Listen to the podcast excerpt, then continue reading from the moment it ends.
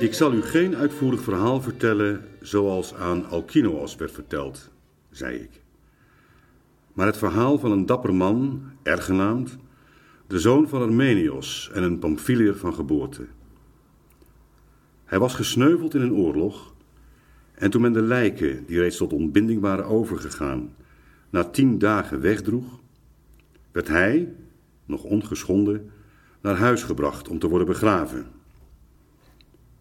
Op de twaalfde dag, toen hij reeds op de brandstapel lag, kwam hij weer tot leven, waarna hij vertelde wat hij in de onderwereld had gezien.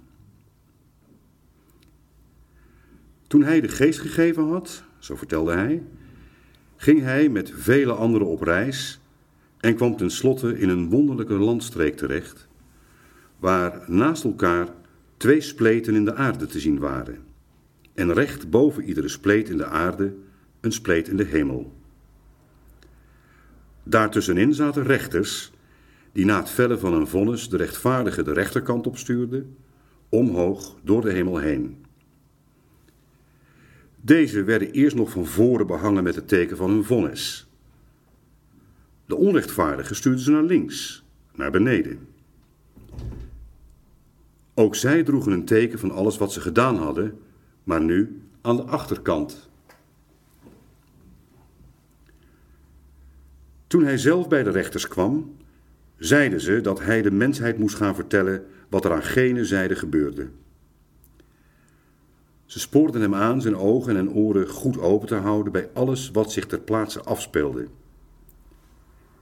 Hij zag daar door de spleten aan de ene kant mensen vertrekken naar de hemel of naar de aarde, volgens het oordeel dat was geveld. Aan de andere kant zag hij door de ene spleet mensen uit de aarde omhoog komen, die waren overdekt door vuil en stof. En door de andere spleet erboven zag hij gelouterde mensen afdalen uit de hemel. Steeds kwamen er mensen aan en het leek of ze een lange tocht achter de rug hadden. Ze betraden verheugde weide om zich daar een plaats te zoeken, alsof er een feestelijke bijeenkomst was. Bekenden begroeten elkaar. Kwamen ze uit de aarde, dan informeerden ze bij anderen hoe het boven was. En als ze uit de hemel kwamen, wilden ze weten hoe het beneden toe ging. Zij vertelden elkaar hun belevenissen, sommigen jammerend en huilend, omdat ze zich de vele verschrikkingen herinnerden die ze hadden ondergaan en gezien op hun tocht onder de aarde. Een tocht die duizend jaar had geduurd. De anderen, die uit de hemel kwamen, maakten gewag van gelukservaringen en visioenen van een schoonheid die iedere beschrijving te boven gaat.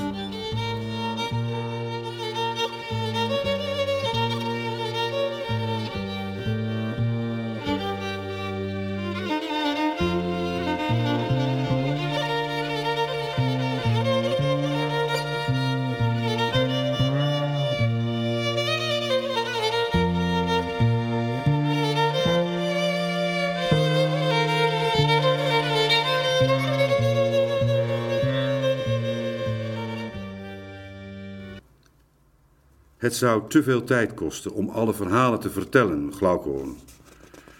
Maar er zei er het volgende van. Voor al het onrecht dat ze ooit anderen hebben aangedaan, kregen zij op hun beurt de straf tienvoudig uitgemeten. De maat hiervoor was een periode van 100 jaar voor ieder mens, wat beschouwd wordt als de duur van een mensenleven, zodat het boete voor de misdaad tienmaal zo lang duurt.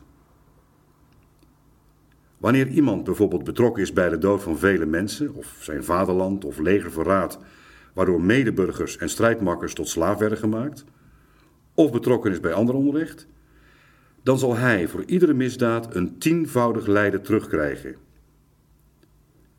Wanneer anderzijds iemand een weldoener is en als rechtvaardig en heilig mens leeft, dan zal hij een beloning ontvangen die daarmee in overeenstemming is. Over kinderen die vlak na hun geboorte sterven, zei hij weer andere dingen die nu niet ter zake doen. Ten aanzien van vroomheid sprak hij van nog grotere beloningen. En op gebrek aan eerbied voor goden en ouders en op eigen handen gepleegde moord stonden volgens hem nog strengere straffen. Eens vroeg iemand in het bijzijn van R: Waar is Arriaios, de Grote? Deze Arriaios was dictator geweest in een van de steden van Pamphylië, precies duizend jaar geleden. En hij had zowel zijn oude vader als zijn oudere broer vermoord, naar men zei, en nog vele andere gruwelen bedreven. Hij is nog niet teruggekeerd, was het antwoord van R. En het is niet waarschijnlijk dat hij ooit terug zal komen. Zijn aanblik was werkelijk een van de verschrikkelijkste schouwspelen die we te zien hebben gekregen. Toen we dicht bij de mond van de spleet waren en op het punt stonden naar boven te gaan, na al deze kwellingen te hebben gezien, kregen we plotseling Arriaios in het oog met een aantal anderen, van wie de meeste, denk ik, ook tirannen waren geweest. Maar er waren ook gewone burgers bij die zeer grote misdaden hadden gepleegd. Ze dachten dat ze eindelijk omhoog konden. Maar de spleet nam hen niet op en stootte een gebrul uit. Telkens wanneer een van de misdadigers, of iemand die niet voldoende had geboet, naar boven probeerde te komen. Er stonden daar mannen, vertelde hij, woest en vurig om te zien, die op het horen van het gebrul de mensen vastgrepen en wegvoerden. Ardiaios en die anderen bonden ze de handen, de voeten en het hoofd vast. Ze smeten hen op de grond en ranselden hen af.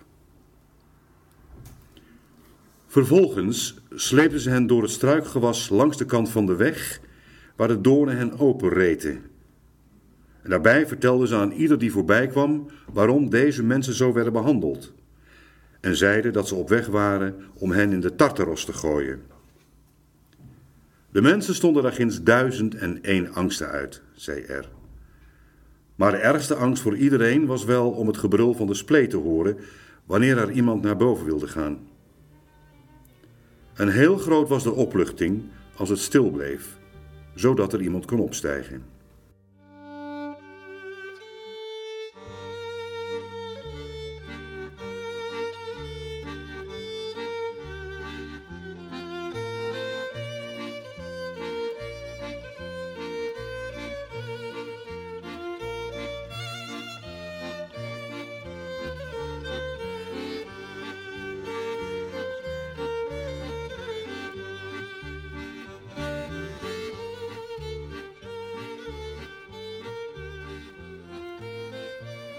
Dat waren zo ongeveer de straffen en vergeldingen en de beloningen zagen er precies tegengesteld uit.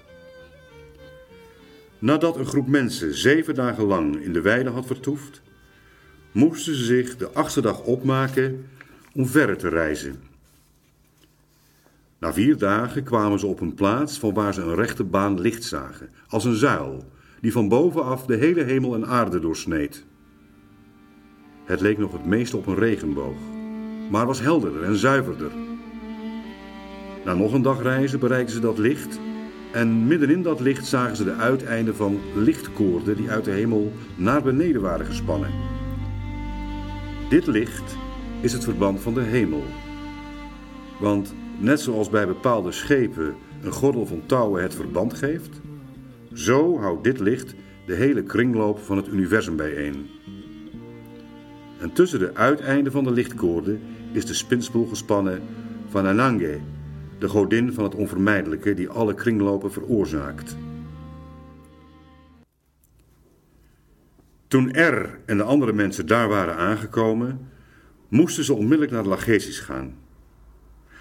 Maar eerst stelde een heraut hen orderlijk op, nam uit de schoot van Lagesis loten en levenspatronen, besteeg een hoog spreekgestoelte en sprak. Luister naar het woord van Lachesis, de maagdelijke dochter van Anange. Onbestendige mensen, gestaat aan het begin van een nieuwe cirkelgang als sterveling, waar geboorte voert tot de dood. Geen godheid zal voor u het lot werpen, maar ge zult zelf uw eigen godheid kiezen. Laat degene aan wie het eerste lot toevalt, het eerste zijn leven kiezen.